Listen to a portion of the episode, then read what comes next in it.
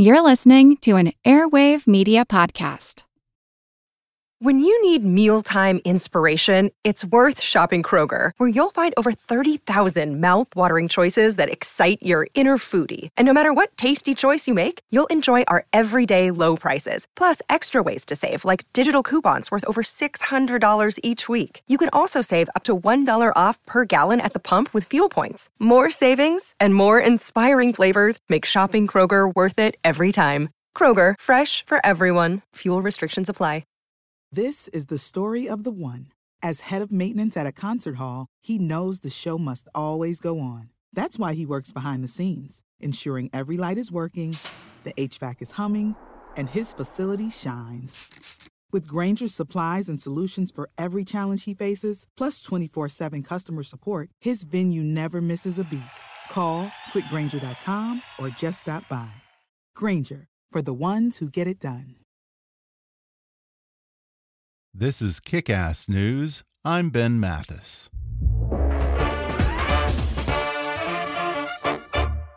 Introducing the perfect companion to the Jim Jefferies Show, which has been grabbing late night by the country, the Jim Jefferies Show podcast.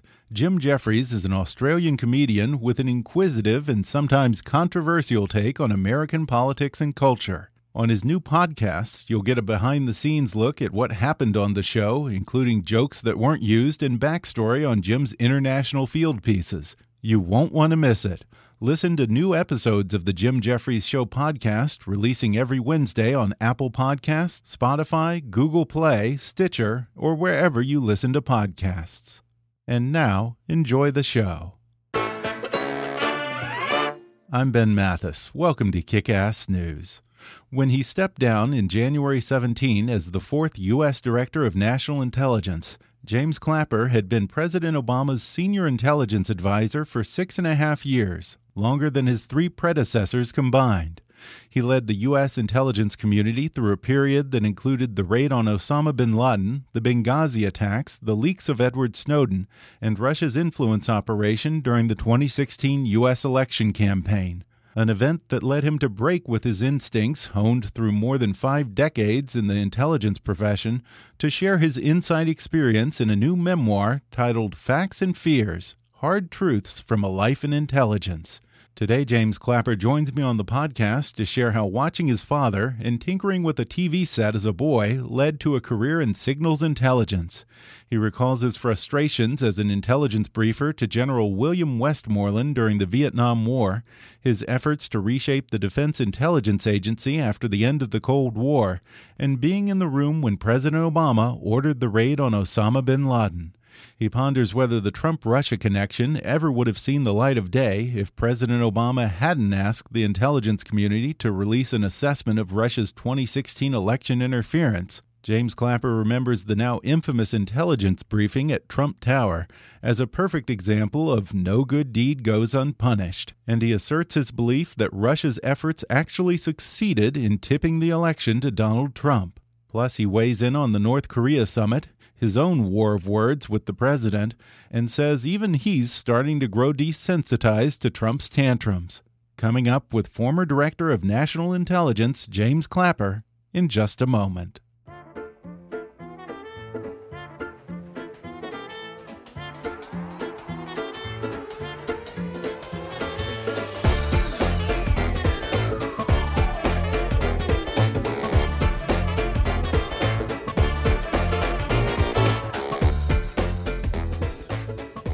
James Clapper served as the fourth United States Director of National Intelligence, the United States top intelligence officer, and President Obama's senior intelligence advisor from 2010 to 2017, beginning his career as an enlisted Marine Corps reservist in 1961.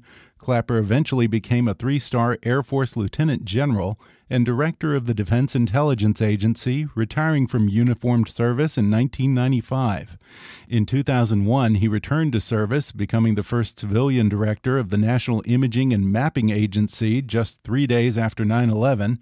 And in 2007, he was appointed the Pentagon's top intelligence officer, serving as an appointee for both the Bush and Obama administrations before President Obama appointed him as the DNI.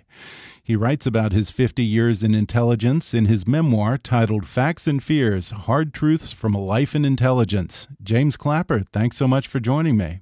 Well, thanks uh, very much, Ben, for having me. Intelligence is sort of a family business for you. Your father was a signals intelligence officer following World War II at a time when U.S. intelligence was just starting to really take shape. Heck, the CIA itself hadn't even been formed until after the war. And certainly, signals intelligence must have been really a whole new ballgame back then. What led your dad into that field?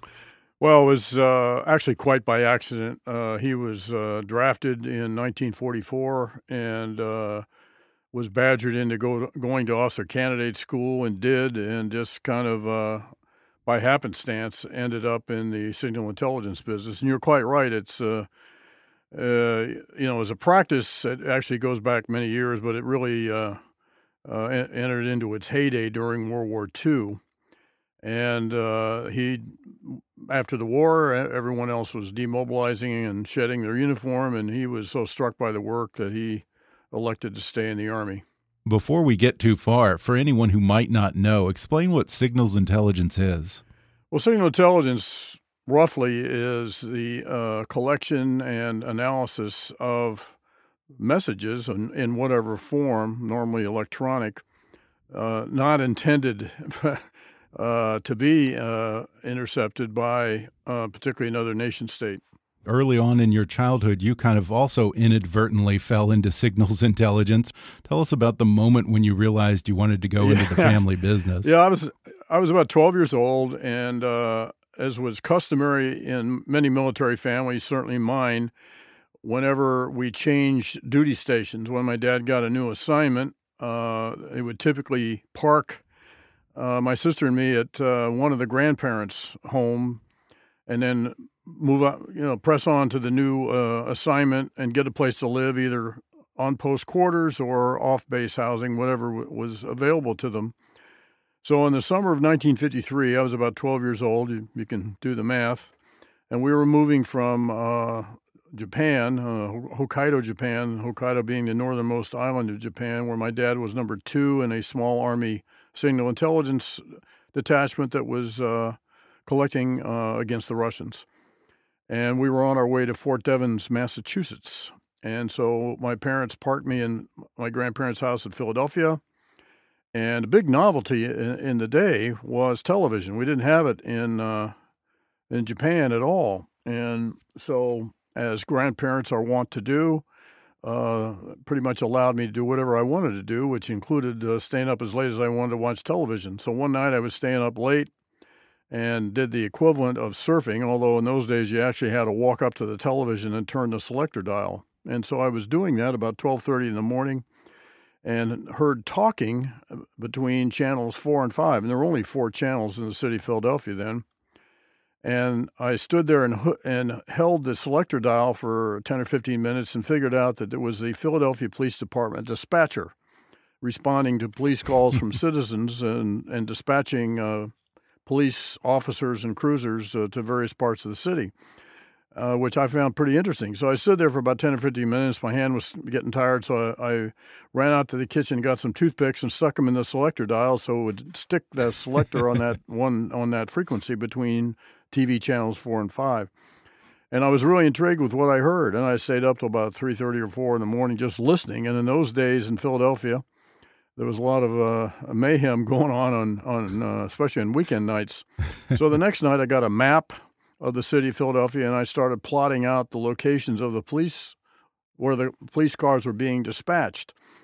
And that led one thing to another. I figured out what the 10 codes were, and the officers and the great lieutenant had their own special call sign. And I figured out how they allocated police cars to each of the police districts and then just by listening and plotting where the police calls went, figured out what the police district boundaries were. So this went on for about uh, two or three weeks, and I was up every night, sleeping all day. And so my dad and mom came back to retrieve my sister and me. Time to go to the next uh, our next posting. So my dad just casually asked me, "Well, what have you been doing?" And and I then launched into about a twenty or twenty five minute discourse on the organization and operations of the Philadelphia Police Department. And even though it was you know 65 plus years ago, still remember the expression on my dad's face. And he looked at me and said, "My God, I've raised my own replacement." So that's when I knew I was going to be in intelligence. so hacking Grandma and Grandpa's TV was the beginning of a promising signals intelligence career. Didn't know it at the time, but uh, apparently so. When you came of age, you enlisted in the Marines and did two tours in Vietnam. In fact, you used to give intelligence briefings to the commander of U.S. forces in Vietnam, General William Westmoreland. And I think your experience with Westmoreland could perhaps serve as a metaphor for the whole U.S. strategy or lack of strategy in Vietnam. Tell us about right. that. Well, I was, uh, when I went to Vietnam, uh, my first tour in Southeast Asia was in uh, 60, 1965. I'd been uh, uh, in the service uh, a little over two years, uh, so I was pretty green and for some reason plucked out of anonymity to be one of two uh, lieutenants who would go downtown to Saigon from what was then Tan Son Nhut Air Base um, each Saturday and brief General Westmoreland on the results of uh, airstrikes over uh, North Vietnam. And my partner would brief a lot of statistics on number of sorties, bombs dropped, bridges cut, roads cut, bridges sunk, secondary explosions, and of course the ever popular body count. And then I would go into his private office after that and I would present in a summary on a acetate grease pencil board uh, any signal intelligence reflections of uh, the bombing. Uh, in other words, the Vietnamese, North Vietnamese were talking about the bombing and we picked that up in uh, signal intelligence collection. Then I would brief that to uh, General Westmoreland. So I was scared to death. I had never even uh, seen a four star general other than pictures, let alone talked to one. So the first two or three or four Saturdays I d- did this, it was pretty intimidating.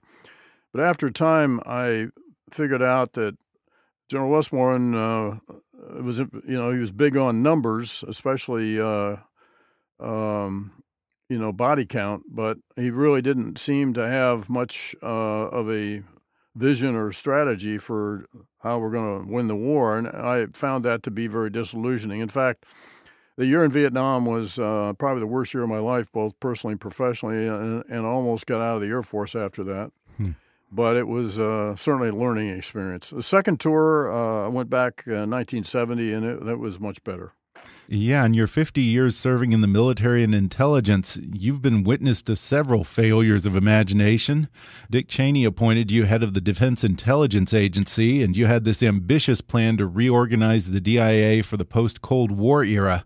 But that idea didn't go over so well with some of the entrenched hawks in the DIA. Why not? Well, you're quite right, and uh, it didn't go well. And um, the basic issue was uh, we were enjoined by the Congress to reap the peace dividend. This is uh, after the fall of the wall, the collapse of the Soviet Union. So the the supposition was that we didn't need uh, as much military uh, and certainly not as much intelligence uh, as, as, we had. So we were instructed, all, virtually all the intelligence community, but specifically my agency, to reduce by 20%. So the, the structure we had for Cold, the Cold War era just uh, we couldn't sustain it with the manpower that we would have after we cut by 20%. So we tried to reorganize uh, to accommodate that, and the big reason it failed is lack of communication with the employees. Mm-hmm. Uh, a lesson I tried to carry with me for the rest of my career. And during the Bush administration, you were also involved in the intelligence assessment that determined Saddam Hussein had weapons of mass destruction. Once that turned out not to be the case, a lot of people portrayed that intelligence as trumped up or somehow manufactured to justify invading Iraq.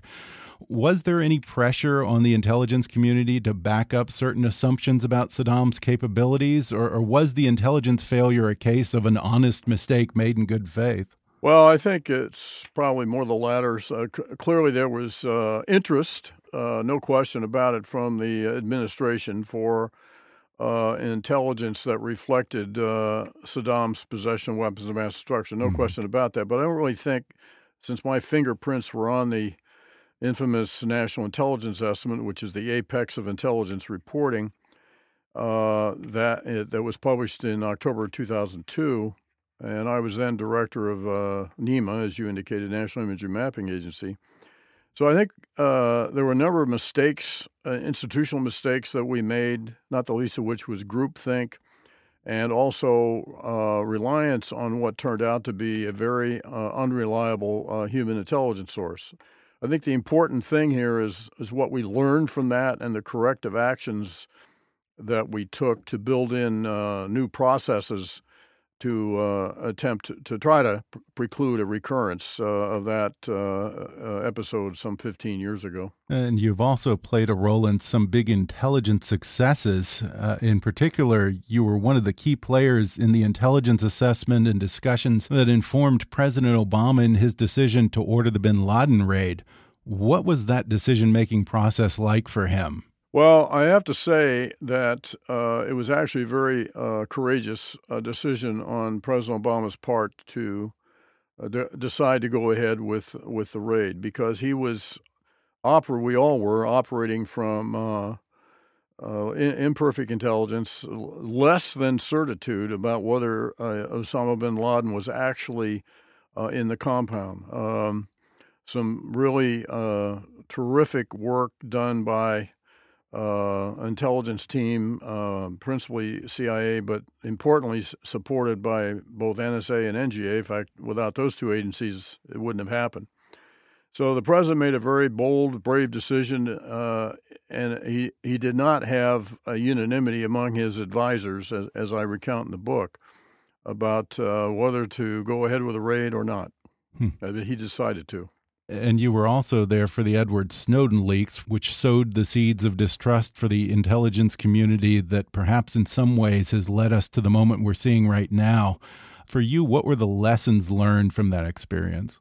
Well, I think the, the biggest lesson is uh, the need for transparency, which I certainly set out to try to do uh, by uh, publishing, declassifying, and publishing a lot of uh, documents that had previously been classified, many of which pertain to the uh, decision making of the Foreign Intelligence Surveillance Court, a unique institution in, on the planet uh, to make judgments about whether uh, intelligence uh, community assets can be used uh, in a domestic context.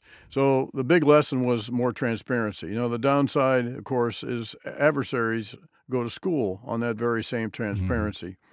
I will say more as a more generalized comment, though, that there will always be suspicion uh, about intelligence since we can't be completely transparent. The nature of intelligence work is secret, uh, principally to provide to protect sources, methods, and tradecraft, which, if exposed, you lose.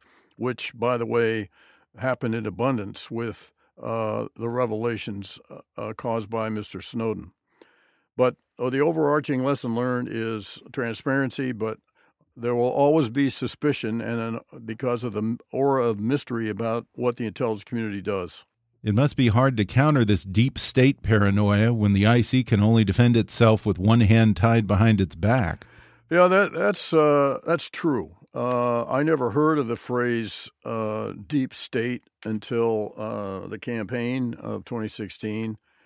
Um, uh, you know, and and my experience is there is no such thing as the deep state, but that uh, that image, that optic, has certainly been uh, exploited uh, uh to the and to the detriment of not just the intelligence community, but uh, the entire um, the civil service component of the of the government. Uh, yeah, I don't think that we've ever seen the intelligence community the subject of such wild conspiracy theories and accusations of political motivations as we are right now. Uh, I know that you have served both under Republicans and Democrats. In your experience, do the career intelligence officers who make up the IC let their personal politics influence their work? No, I, I, I, you know, I'm sure there there have been exceptions to that. Uh, in fact, I know there have been, and of course, there is a uh, pretty stringent law called the Hatch Act about involvement in, in things political.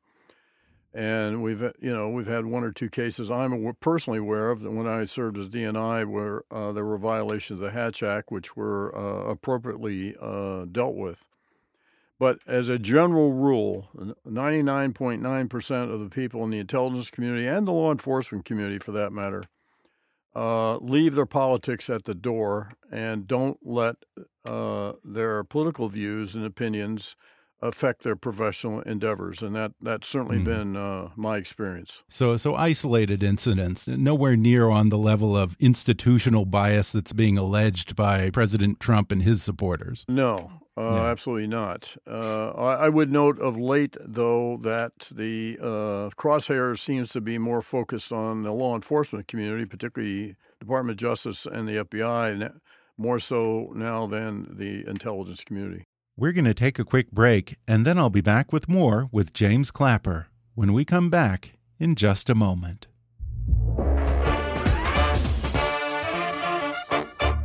Hey guys, I want to tell you about Dollar Shave Club. Dollar Shave Club delivers everything you need to look, feel, and smell your best. You name it shampoo, conditioner, body wash, toothpaste, hair gel, even body wipes. Dollar Shave Club is my one stop go to for all of my toiletries, and I've especially become a huge fan of their amber and lavender calming body cleanser. It smells absolutely fantastic, and it's a great way to get your day going. But all of Dollar Shave Club's products are great and made with top shelf ingredients that won't break your budget. Plus, shipping is free with your membership. And here's a great way to try a bunch of Dollar Shave Club's products. For just 5 bucks, you can get their Daily Essentials starter set. It comes with body cleanser, one wipe Charlie's, their amazing wipes, their world famous shave butter, and their best razor, the six blade executive. Keep the blades coming for a few more bucks a month and add in shampoo, toothpaste, or anything else you need. Check it out at dollarshaveclub.com slash kickass. That's dollarshaveclub.com slash kickass.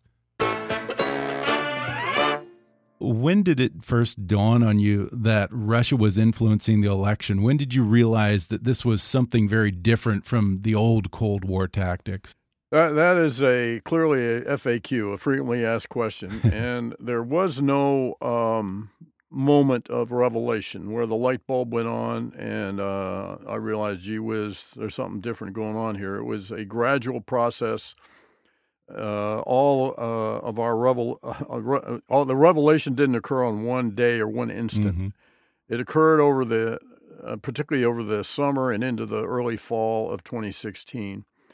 And uh, I've seen a lot of bad stuff in my 50 plus years in intelligence, but no, nothing that disturbed me as much as the realization of the magnitude and aggressiveness of what the Russians were doing to interfere in our mm-hmm. one of the basic pillars of our system, our, our election. And as I understand it, basically the Russian attacks had three main components. There was the social media influencing, an effort to hack voter registrations, and then there was, of course, the email hacks to the DNC and the Podesta emails. What component of this Russian effort did you find most worrisome at the time? Well, the one that had the most impact, in my view, was their uh, uh, aggressive use of uh, social media. Mm -hmm uh, much of which is the details of which have come out, uh, you know, since uh, since I left the government, and that is a big difference. Not to be underestimated, by the way, is the very slick, sophisticated propaganda put out by RT, formerly Russia Today, which is the right. government sanctioned and, and financially supported uh, television network, and they went on a very aggressive campaign uh, against, uh, particularly against Hillary Clinton and, and later for uh, Mr. Trump. So the, the Russians used, you know, the entirety of, of tools as enablers to them in the uh, in the cyber domain, uh, from hacking to fake news to trolls to uh, fake ads, you name it. Mm-hmm. And they, they were very, very sophisticated and very astute. The Russians have a long history of interfering in our elections going back to the 60s but never as direct and aggressive and multidimensional as what they did in uh, in 2016. Yeah, and I was interested in the level of detail with which they operated, almost to the degree of uh, being political operatives. They created stories specifically to motivate or suppress specific demographics. It wasn't just pro Trump, anti Hillary propaganda. Exactly. They had messages for everybody, whether it was Black Lives Matter, white supremacists, pro gun control, anti gun control, anti Muslim, anti Jewish. They exploited all of these uh, I think, fears of, of various uh, uh, tribal groupings in, in the United States. And unfortunately, we're a very ripe target for that sort of uh, information operations campaign that the, the, Russians so skillfully mounted. I think if anyone wants to get into the some of the level of detail on what they did, is would be to read the indictment that uh, Special Counsel Mueller put out publicly in February of this year. Mm-hmm. And the indictment of the 13 Russian nationals and some corporations, notably the uh, Information uh, Internet Research Agency, mm-hmm. which of course was a intelligence service tool uh, of the of the Russian government. So um, very aggressive and uh, very disturbing in, in my mind. And you've gone so far as to say that you even think that the Russians successfully tipped the election to Trump. What do you base that on? Well, first I have to point out that the intelligence community assessment that we rendered, and I say we, that was CIA, NSA, FBI, in my office, uh, in, in which we briefed to then President-elect Trump on January 6, 2017, made no call whatsoever right. on the Russian meddling and whether or not it had any, any impact at all on the election. The only thing we said was we saw no evidence of tampering or meddling with voter tallies. Right. That's not to say there wasn't. We just didn't see any evidence of it. But in light of what I knew the Russians did, and in in light of the evidence that's come out since and the fact that the the election turned on about eighty thousand votes in three key states, and given the what the Russians did and the ma- the magnitude of it, uh, to me it just stretches credulity and logic to mm-hmm. think that the Russians didn't have profound impact on the election. In fact, per, probably turned it. Now, that's controversial. I, I acknowledge that, but it's what I would call inf- it's my informed opinion. Well, it's also frustrating to me when I talk to Donald Trump supporters who seem to be able to say with such certainty that it didn't actually affect the election. And truthfully, I mean, unless you're in the mind of the voters, I can't say any better than they can whether or not it influenced the election.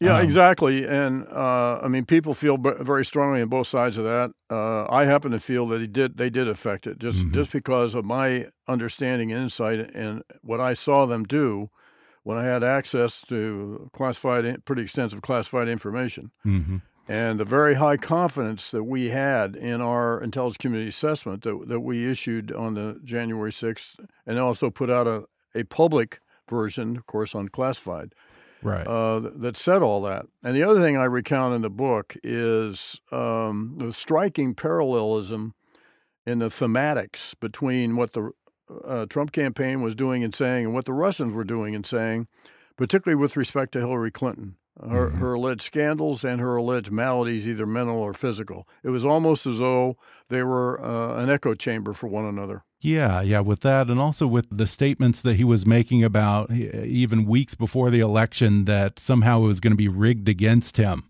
There seemed to be quite an echo between his campaign and what the Russians were putting out on social media. Uh, the Russians, by the way, uh, were actually anticipated, just like everybody else, that uh, Mr. Trump was not going to win the election. So they had already laid the groundwork to undermine a Clinton presidency, which they had to put the brakes on very suddenly when, lo and behold, to everyone's surprise, uh, he won the election.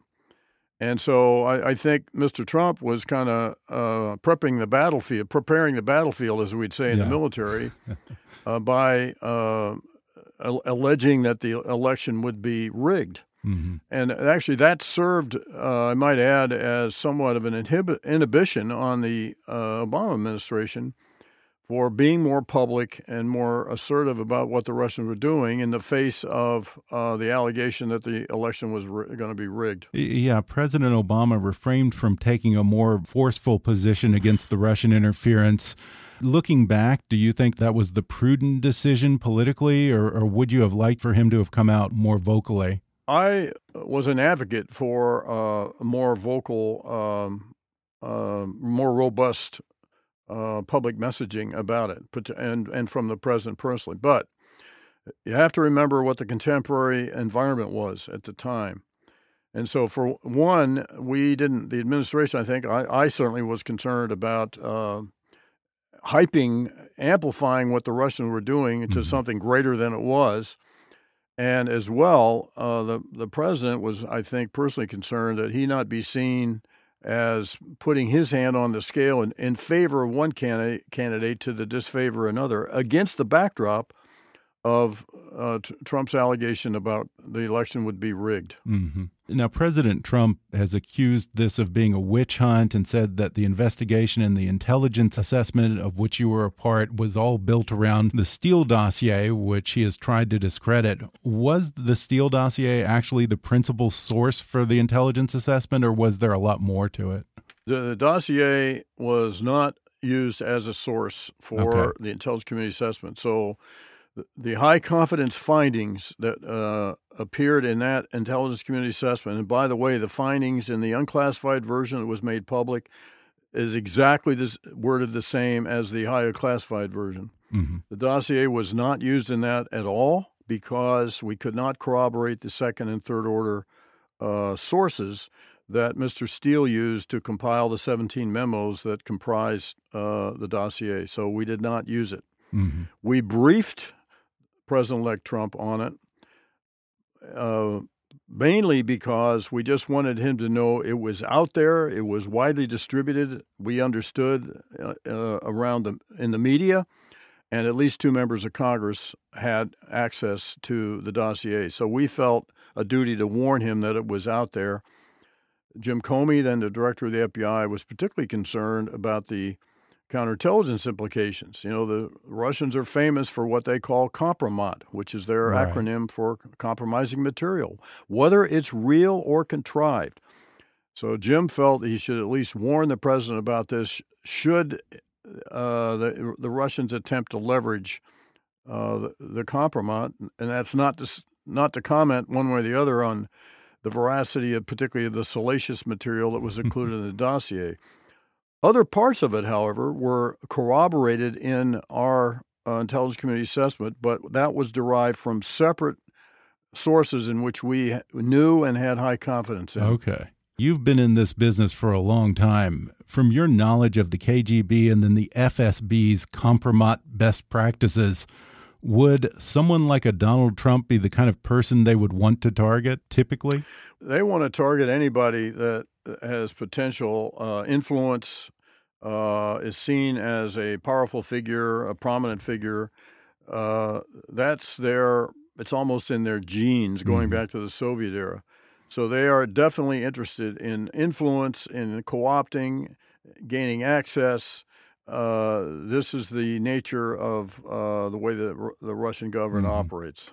And particularly given his impulsive behavior and his habit of kind of chasing his worst instincts, would that seem like the type of personality that they usually seek out? Or that seems well, ripe for they, a kompromat yeah, operation? They would. Uh, they would do that, and they would figure out how to uh, g- gain that influence, that access, and that leverage uh, based on uh, the kind of uh, personality, uh, kind of person they assess the target is. And uh, so I'm sure that. Mm-hmm. Um, you know, he was on their scope from, from probably going back many years. certainly yeah. as early as 2013, anyway, when he went there for the uh, Miss Universe contest. Does anything particularly stand out to you from Special Counsel Mueller's investigation, from what he's released publicly so far? I guess one observation I always make uh, is that uh, he knows a lot more than we do at any given time. Mm -hmm. So the investigation is way ahead of what's out there. Uh, and the other thing is that it appears to me that uh, Mr. Mueller is conducting this investigation as I knew him uh, when he was director of the FBI, very thorough and methodical. When you put out the intelligence assessment during the election, I guess that was what, a few weeks before the election, it didn't seem to get very much attention. Why wasn't that a bigger story, do you suppose?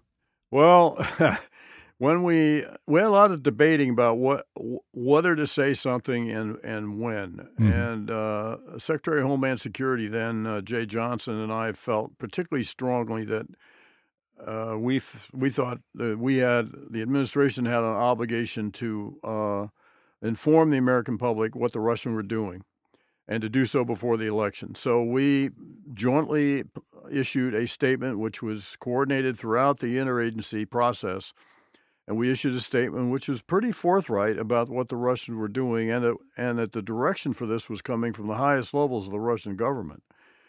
That statement was put issued on the 7th of October, which unfortunately was the same day that the uh, Access Hollywood audio tape came Right. out about uh, then can, uh, candidate Trump's um, uh, locker room talk, and was also the same day as the John Podesta emails, which had been hacked, were dumped.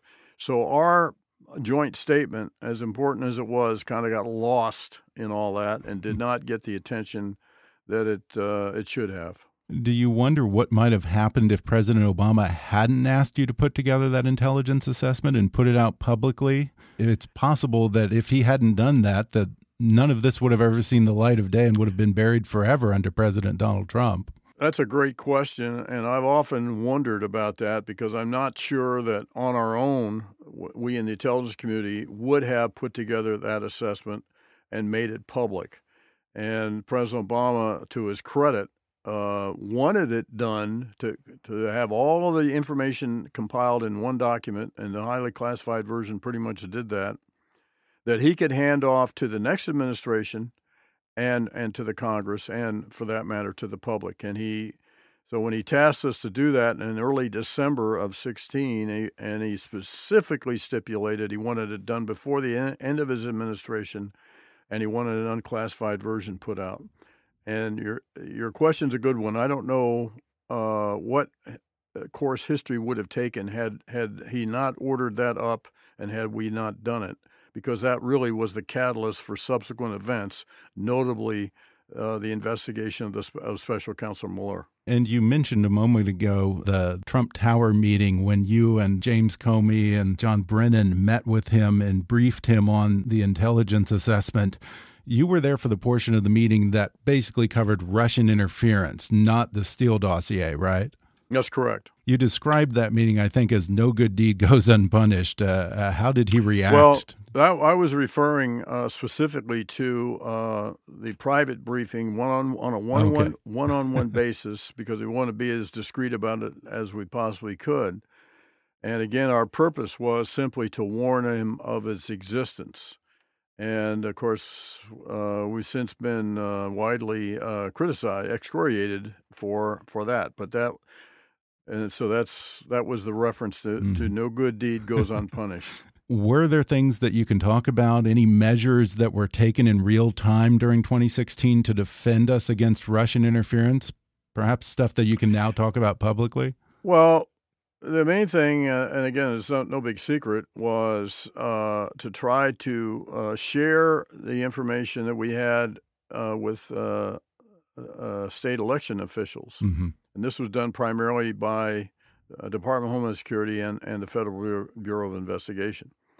And in the uh, report that we put out, the, the version we sent to the Hill to each member of Congress, both senators and representatives, we also included uh, an, uh, an attachment, uh, an annex to that, which was uh, best uh, cybersecurity practices recommendations from the Department of Home Security, uh, Department of Homeland Security, for the benefit of state and local election officials. So, and there was a lot of uh, in, informal liaison, particularly when we saw the Russians, what I'll, I will, my characterization, reconnoiter voter registration rolls uh, initially in some 21 states and got up to at least 39. I suspect the Russians attempted to penetrate all 50 state level uh, voter registration rolls and whatever info, other information they could they could gather. We never saw them inf- exfiltrate the information or manipulate it.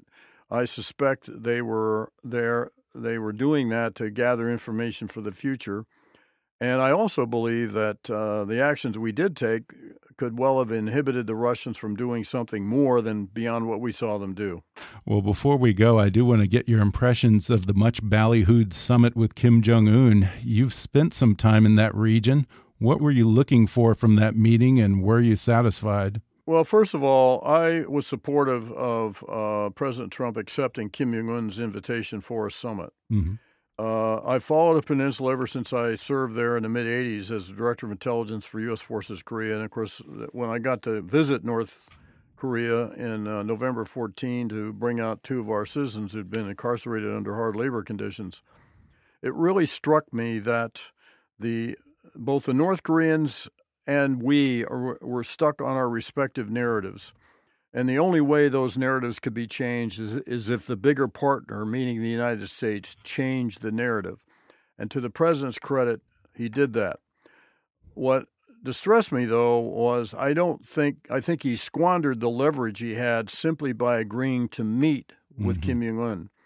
And I think he could have extracted more uh, specific agreement from them than he did and he certainly didn't have to volunteer to give up so-called war games, which I, I believe was a mistake. Mm -hmm. President Trump has portrayed those war games as just a waste of money and not productive. Do those serve a real purpose well, still in your mind? Absolutely. They he characterized them as as quote very provocative, using the same phraseology that the North Koreans use. and the those exercises have been going on for decades and they uh, always posit a an invasion by North Korea into South Korea, and South Korea and the U.S. forces then repulsing a, an invasion. The North Koreans understand exactly the nature of of the of those exercises, and the reason they're important is that the U.S. forces who serve in, in Korea are there, most of them there for a one year tour. Leader leadership, those in leadership positions like when I was there, stay for two. But the fact is, every year you have huge turnover uh, among the American troops. So, in, in the interest of readiness, combat readiness, you, you must do those war games. And mm-hmm. not only on a joint basis for the United States forces, but on a combined basis with the forces of the Republic uh, of Korea. Mm-hmm. And yes, readiness and preparation is not cheap. I would point out, though, that the, the Republic of Korea already pays the shares the burden almost uh, for almost half of the expense of our being there is borne by uh, the Republic of Korea. Before we go, I did want to ask you about this sort of battle of words between you and the president. Do you take offense to the situation where you have a man who didn't serve in Vietnam, who got a deferment attacking you, someone who did serve, and, and in fact uh, worked very hard to try and get to serve because initially you were having a hard time even getting into the Marines because of right. uh, the, your, I think it was your vision, right? Exactly. Yeah, uh, Marines were not quite as demanding as the other services about uh, about vision, so uh, they let me enlist, and uh, I, am so thankful they did. Well, I was asked once uh, in another interview that uh, didn't it bother me whenever the president uh, put out a, a, tweet where he was uh, critical of me or said bad things about me, and and I said no, and I said that in itself is is a sad commentary. Hmm. Um, it just again typical of uh, this president to single out private citizens uh, whenever they don't uh, support him, hmm. and uh, that's to me is not not in accordance with the values and standards of this con this country that I spent you know 50 years defending. So even you find yourself at times starting to get desensitized to it, huh? Exactly. I, unfortunately, uh, the tweets, the steady stream of tweets, and you know, by one count, there have been thousands of uh, distortions, inaccuracies, or flat out lies that uh, conveyed in these tweets. Uh, and I, unfortunately, I think more and more people in this country are, are getting jaded to it and uh, don't take them uh, seriously. Well, General Clapper, I certainly thank you for your service and thank you for this book. Again, it's called Facts and Fears Hard Truths from a Life in Intelligence. James Clapper, thanks so much for talking with me. Oh, Ben, thanks for having me. I enjoyed it. Thanks again to James Clapper for coming on the podcast. Order his book, Facts and Fears Hard Truths from a Life in Intelligence, on Amazon or Audible. If you haven't already, be sure to subscribe to Kickass News on iTunes and leave us a review.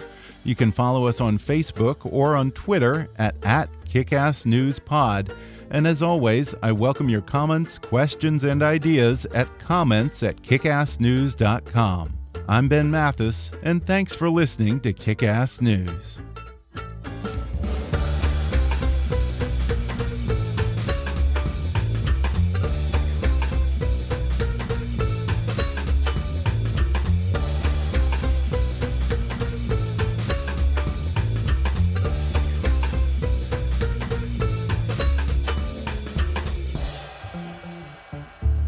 Kickass News is a trademark of Mathis Entertainment, Inc.